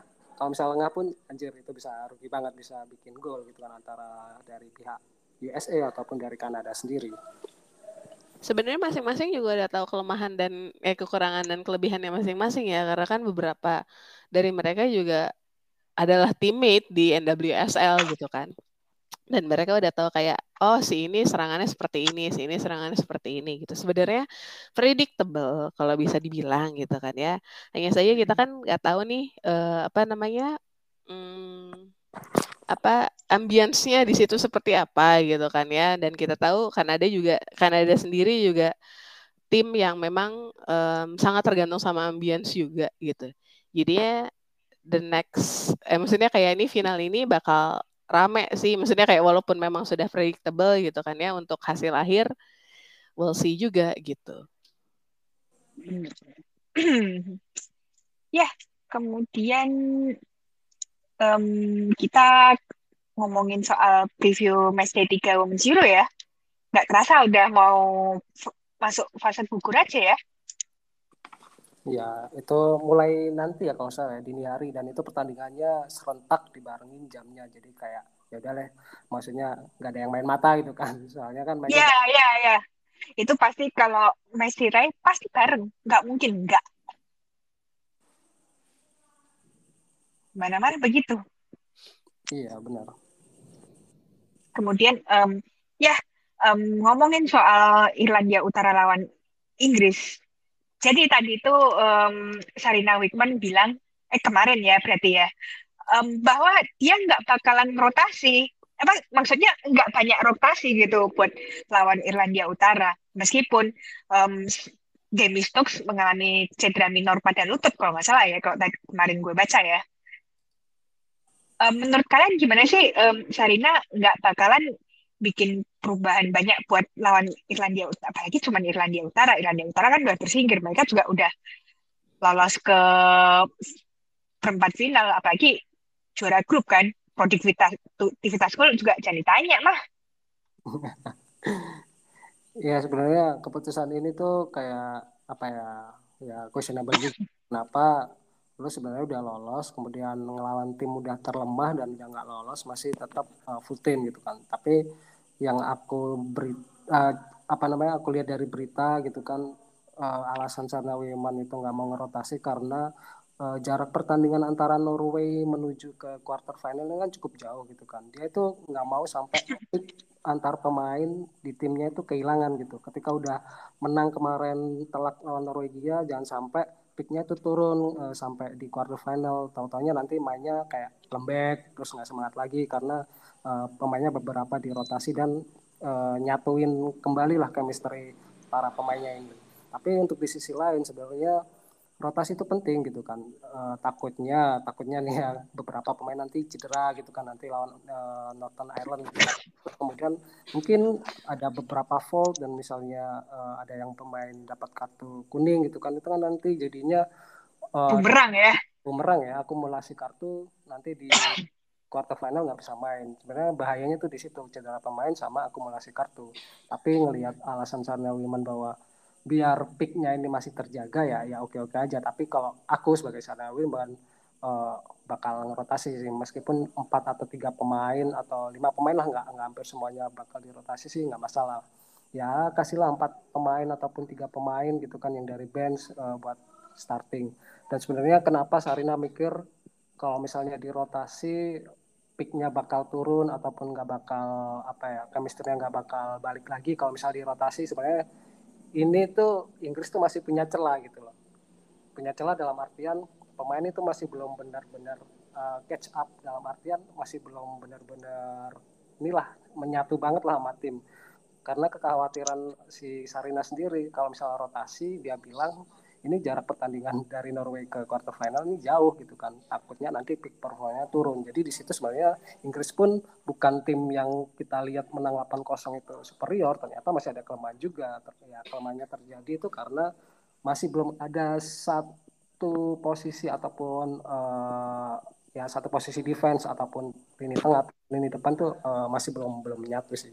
Tapi buat aku kalau jadi Sarawi ya tetap bakal rotasi sih Ya kalau rotasi paling minimal ya dari bu buat mengistirahatkan Lauren Ham terus habis itu Badmit sama Kira Walls ya itu paling minimal bad minimum banget sih karena um, quarter final lo nggak bisa memandang sebelah mata baik misal Denmark atau Spanyol gitu.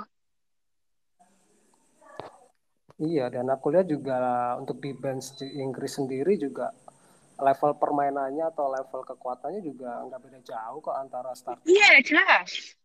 Jadi, itu nggak jauh beda. Jadi nggak usah khawatir sebenarnya. Kalau menurut Mbak Manda, gimana tentang pernyataan Bunda Sarina? Terserah Bunda aja lah gitu kan ya. Maksudnya kayak yang ya memang dia lagi di atas angin gitu kan ya. Terus ya gitu dia ngerasa bahwa kemarin tuh um, apa namanya picknya dia bagus-bagus gitu kan gacanya dia dapat semua gitu kan ya. Cuma maksudnya kayak ya kenapa akan akankah lebih baik gitu dirotasi untuk pemain-pemain yang di bench gitu kan? Bench juga kan maksud gue kayak yang dia juga butuh times kan maksudnya kayak butuh minutes juga gitu loh.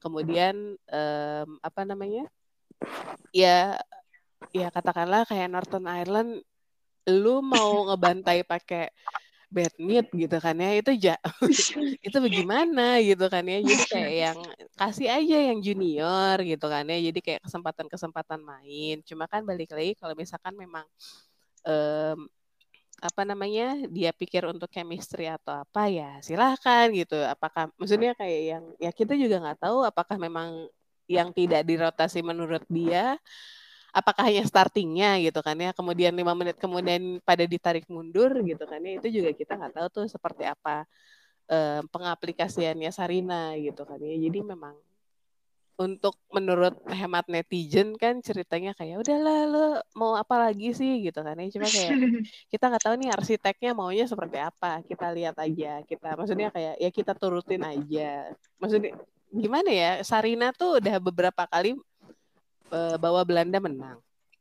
Gitu. Terus udah gitu dan dia tahu um, apa namanya the next match uh, England sama siapa gitu kan ya. Ini mah lawan Northern Ireland mah ece-ece lah gitu kan.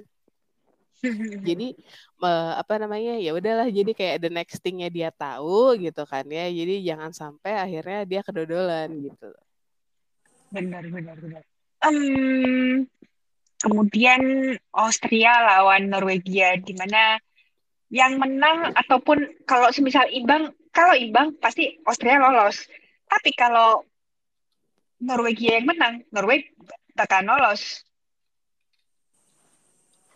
Sebenarnya permutasinya sangat-sangat sederhana sih tapi kalau melihat setelah Norwegia kalah dengan sangat telak 08 itu apakah mereka bisa bounce back dari yang kemarin itu kalau aku pikir bisa ya, uh, apalagi dengan kekalahan 8-0 pasti ada motivasi apalagi posisinya sekarang kan harus menang dan uh, bisa lolos gitu kan. Aku pikir sih mereka bakal next dan ya Austria tetap bakal nyulitin sih gitu. Jadi mau nggak mau ya tiga poin tuh udah harga mati buat Norway gitu kan.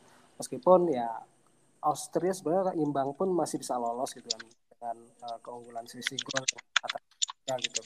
Tapi ya balik lagi kalau misalnya lu masih main dan bisa menang ngapain harus mikirin hasil seri gitu kan. Jadi buat aku ini pertandingan seru hidup mati dan bakal ketat juga pertandingannya. Tapi aku harap sih Norway yang lolos karena mereka trigger yang cukup gede dan materi pemainnya juga bagus, bagus gitu. Kalau misalnya kalah pun lawan Austria ya sayang aja. Dan sama lolos pun ya sayang aja dengan materi pemain-pemain bagusnya Iya, lagi gue takutnya Norwegia di bawah bayang-bayang 2017 lagi sih meskipun enggak seburuk lima tahun lalu tapi tetap aja sih sama aja sih Oh, oke. Okay. Well, barusan gue dapet kabar bahwa Sarina Wickman positif COVID dan bakalan diisolasi tentu saja. Jadi yang gantiin untuk untuk nanti malam adalah asistennya yaitu Arjen Vering jadi dia bakalan ngeremot lah tetap aja Iya, dengan positif COVID, kemudian uh, keputusannya untuk tidak merotasi sebenarnya cukup sinkron sih ya. Kalaupun nanti rotasi tanpa dia yang ngatur strateginya juga agak susah juga gitu. Iya betul. Um, well, ya COVID ini benar-benar mengganggu Euro banget ya ternyata sampai ke pelatihnya. At least kita tahu sebenarnya kenapa Sarina nggak mau rotasi karena ternyata, karena ternyata kayak dia udah ngerasa bahwa aduh gue udah gak enak badan nih kayaknya nih. Gitu. gue lagi nggak enak badan nih, gue bakal olot aja deh. Iya. Gue ya, gue udah gak enak badan sih aduh aduh gitu ya kan gitu kan ya gue gak akan ngerotasi deh gitu lagi aja deh biar jelek-jeleknya juga dapet tiga gitu kan Iya, iya, well, well, well. Ya, ternyata terjawab ya, langsung terjawab ya kenapa dia nggak mau yeah. rotasi ya. Iya. Alasannya dia nggak mau rotasi ya, karena inilah jawabannya. Iya, nah. gitu. ya, um, ini mengganggu peluang Inggris tapi ya we will see lah. Lagi nanti pas quarter final ya. Tapi ternyata ini covid ini desas-desasnya juga mengganggu AFF kemarin ya. Betul. Oh jelas jelas. Gitu ya jadi kayak yang um, apa namanya walaupun tidak kan kalau kalau misalkan ini kan Euro di announce kan bahwa ini positif ini ini positif ini gitu kan ya. Walaupun AFF tidak di announce bahwa wah eh, apa namanya pemain kuncinya misalkan Australia gitu kan ya ditarik eh, apa namanya dia nggak ikut laga terakhir gitu kan ya karena dia positif COVID gitu. Terus tapi ternyata ini affecting ya gitu kan ya ternyata yeah, dengar-dengar isu desas-desus di belakang ini banyak yang kena ya gitu. Ya yeah, pasti pasti. Hmm.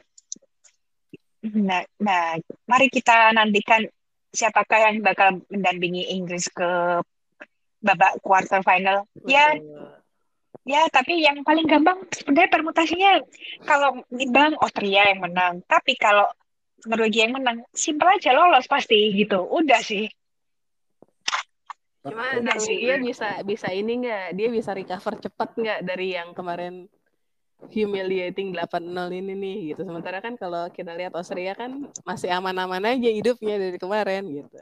Betul sekali. Ya, ya tentu tentu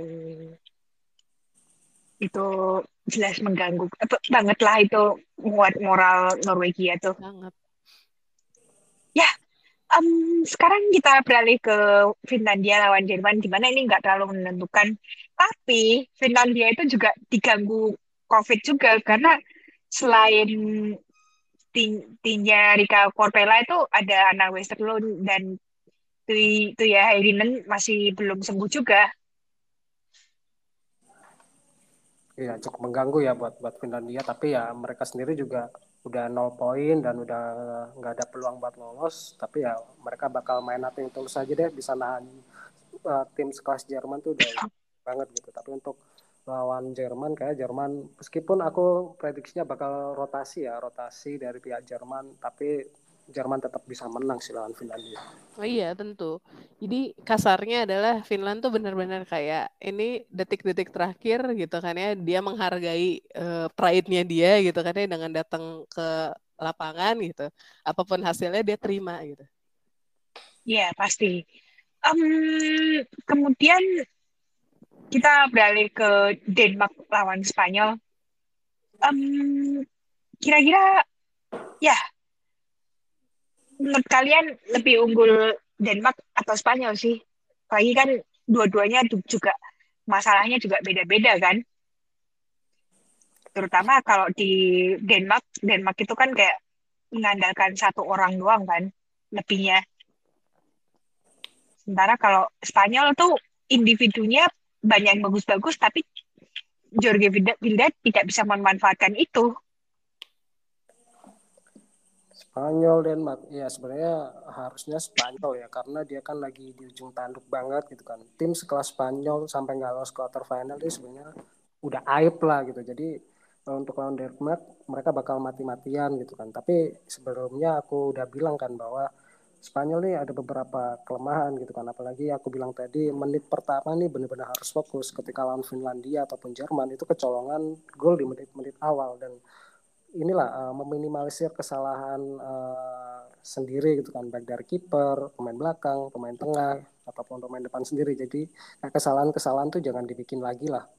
Nanti itu uh, ya bakal bumerang sendiri ke ke Spanyol sendiri dan main lebih efektif lagi gitu. Jadi di tengah itu jangan cuma passing-passing doang. Lu kalau misalnya unggul ball possession tapi kalah ya sama aja gitu kan.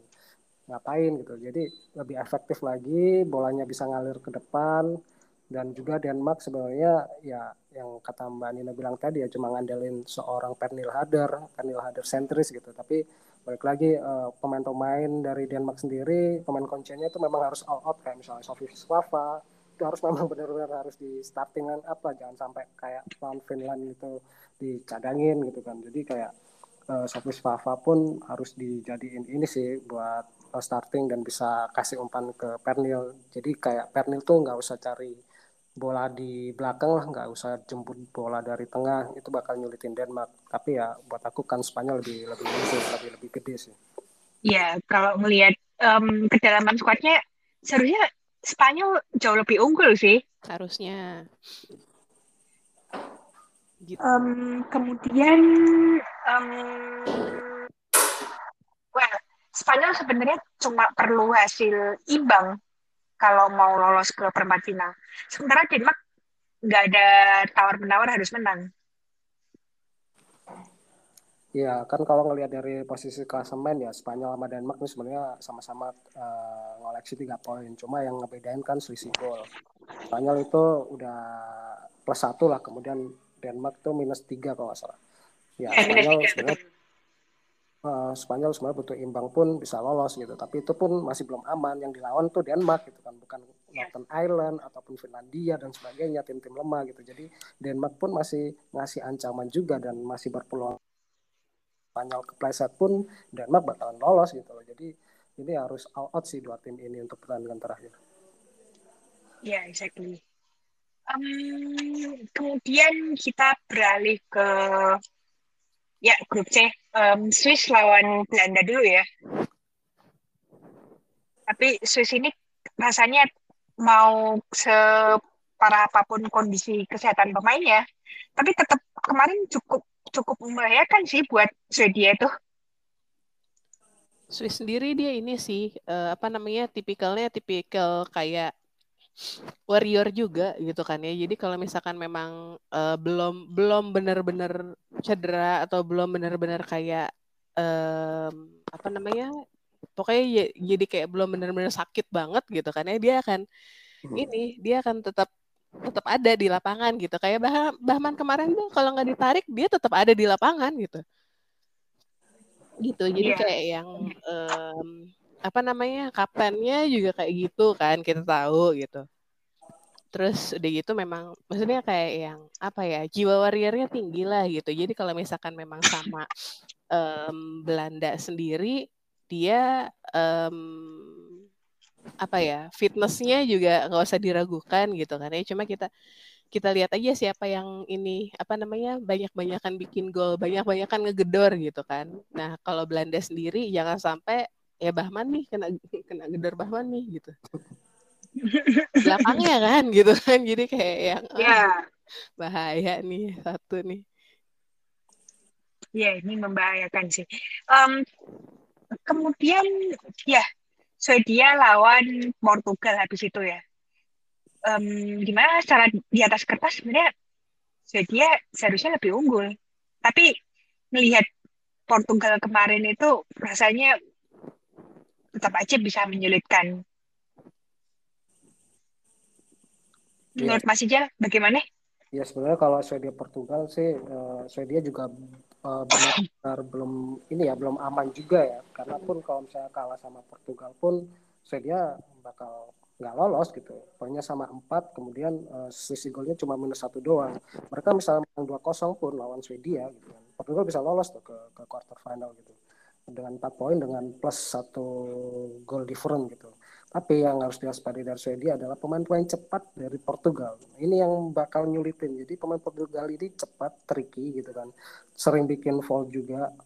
Nah ini sebenarnya harus diantisipasi. Nah antisipasi yang bakal dari Swedia ya kita tahu ada Hannah Glass dan juga si Yona Anderson ya. Itu memang harus punya compact di sayap bisa jagain uh, sayap-sayapnya uh, siapa? Si Portugal biar nggak bisa masuk ke kotak penaltinya mereka gitu. Sebenarnya keredam dari Portugal tuh cuma ini aja pemain-pemain sayapnya aja udah dimatiin aja mereka nggak bakal ngapa-ngapain. Karena pun juga Portugal ya kita tahu lah mereka permainan masih kacau gitu kan. Organisasi, eh, organisasi permainan juga masih salah-salah passing juga masih salah masih belum rapi lah.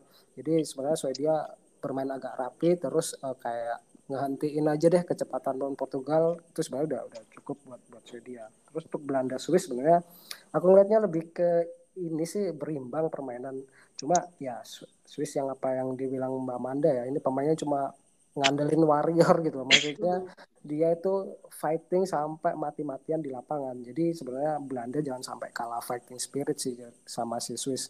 Lengah sedikit pun Belanda bisa uh, ini bisa bumerang gitu dan Swiss pun kalau misalnya menang lawan Belanda mereka masih ada kemungkinan bisa lolos gitu sebenarnya. Jadi Iya karena hidupnya gedor iya. terus yeah. gitu Swiss tuh. Iya yeah, betul. Um, um, kalau um, lihat grup C ini um, untuk menentukan juara grup dan runner up tuh kayaknya memang dihitung dari produktivitas gol ke kedua tim ya. Betul. Sebenarnya Belanda Swedia cukup imbang sih sebenarnya cukup imbang bisa bisa lolos tapi ya kalaupun bisa menang apa juga imbang gitu kan ini pertandingan terakhir yeah. dan untuk next stage ya Swedia dan Belanda memang harus all out di pertandingan ini jangan sampai lepas itu kan chance untuk ke babak quarter final pun juga dengan Portugal Swiss. Kalau misalnya mereka bisa fighting dan benar-benar main rapi dan juga bisa menang mereka juga saran ya, deh ya. satu buat dia taruh aja Aslani di bench. Kemarin capek banget um, apa ya gue ngelihat Aslani itu udah nggak terlalu efektif sih. Iya makanya tiba-tiba kayak Priet jatuh Aslani Priet jatuh Aslani iya. tuh cuma ngurang-ngurangin jatah main aja gitu loh. Jadi kayak yang apa namanya yang diturunin ya benar kata Ijal tadi tolonglah yang efektif efektif gitu kan ya yang jelas-jelas bakal bikin pertandingannya jalan gitu kan ya. Janganlah ditaruh di bench gitu loh. Jadi kayak yang kalau bisa ya di starting gitu. Jadi apa namanya makin cepat Sweden bikin gol gitu kan ya makin cepat ininya apa namanya dia secure poinnya dia sendiri gitu um, rasanya memang apa ya um, mending Lina Hurtig yang starting nggak sih iyalah kemarin Hurtig Iya. di mana-mana rambutnya Iya. kayak lagi super saiyan gitu terbang-terbang kan Em, mungkin kalau ketimbang Asani mungkin gue bakalan lebih condong ke Riting Kanrit ya iya benar kemarin pas Iya. masuk kan pas dia masuk terus Benison masuk gitu kan ya itu langsung kan ya itu instant impact sih gitu loh. Jadi kayak udah Kalau- duduk aja dulu Ka- di bench yang cantik. Em, kalau me- misal memang Swedia ingin menghindari Prancis ya objektivitas golnya Bapak Ibu? Iya. Dia jangan mungkin jangan sampai kebobolan kalau gue rasa itu. Betul banget. Dan juga strategi substitution ya, maksudnya kayak yang dibilang Mamana atau Marino tadi ya, kayak Johanna Rittenkennerit ataupun Hannah Benison. Ini sebenarnya oke lah, kalau nggak di starting, paling nggak babak kedua di menit 46 kayak 47 memang harus dimasukin, karena itu sebenarnya udah konsepnya Swedia sih. Ketika Swedia main deadlock, babak kedua lihat aja deh, Hannah Benison, ya, Johanna Rittenkennerit sama si Blomsquist itu tiga pemain ini saling bersamaan dimasukin buat eh, cari offense. Maksudnya buat nyerang habis-habisan dan ya terbukti dengan tiga pemain ini itu game changer banget buat Swedia di babak kedua. Hmm, benar benar. Ah, next is group D, ya, di mana Iceland mungkin mereka ngerasa peluang untuk lolos ke perempat final agak tipis ya jadinya setelah imbang dari Itali.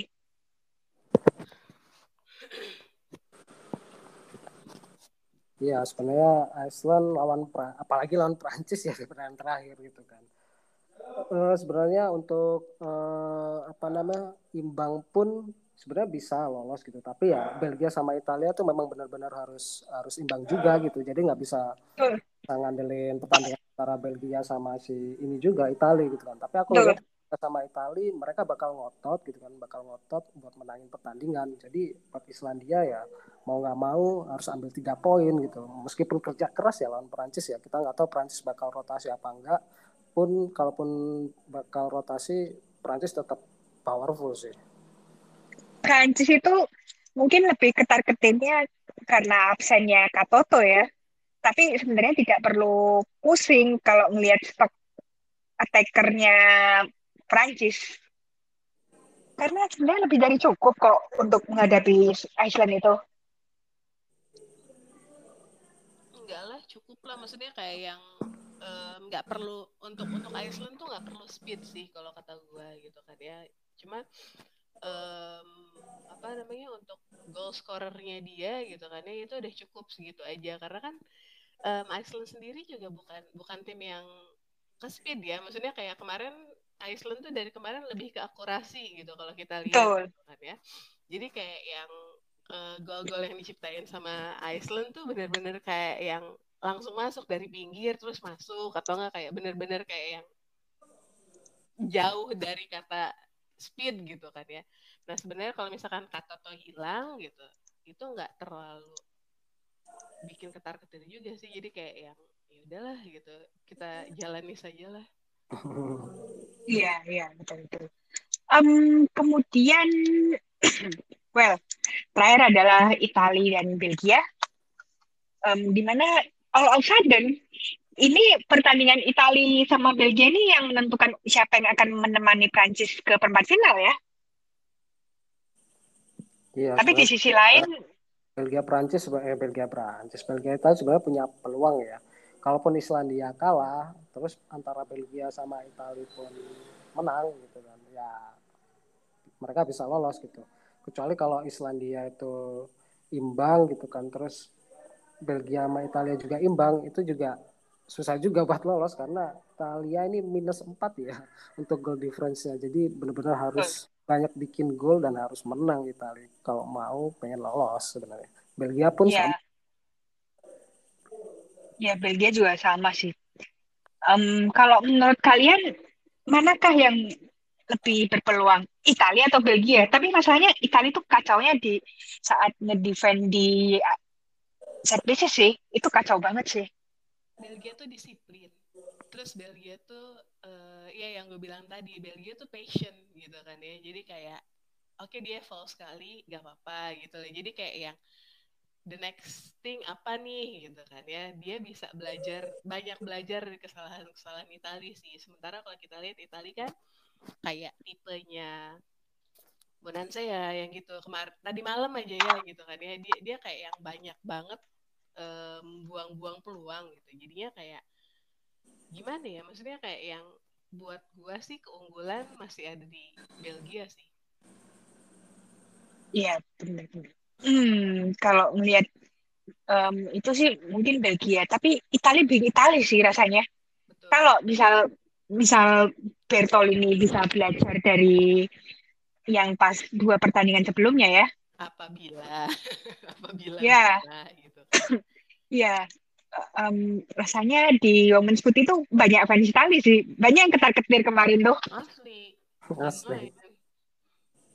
Ya, terus kan ada yang nanya, Min, itu Itali udah susah ya buat lolos ya, gitu.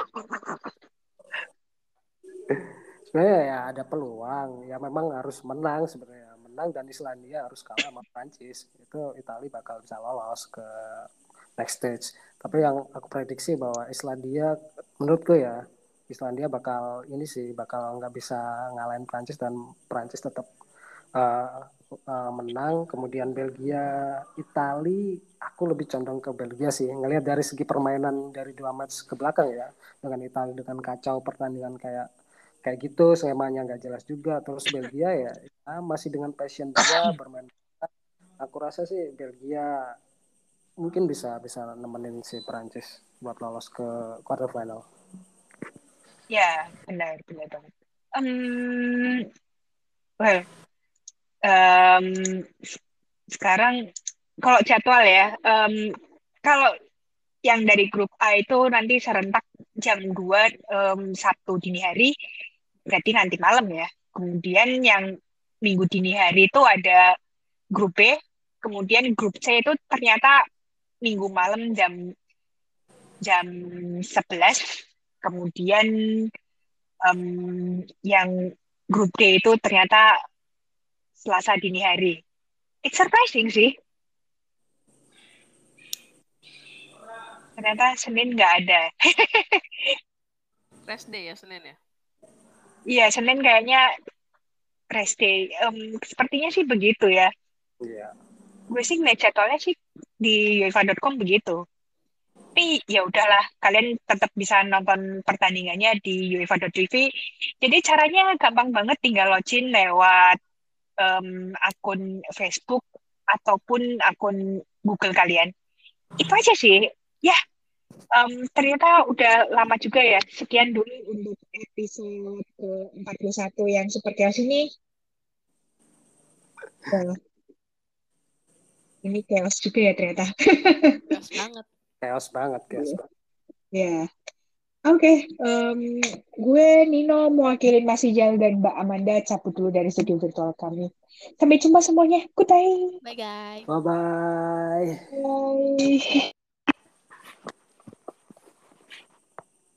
bye.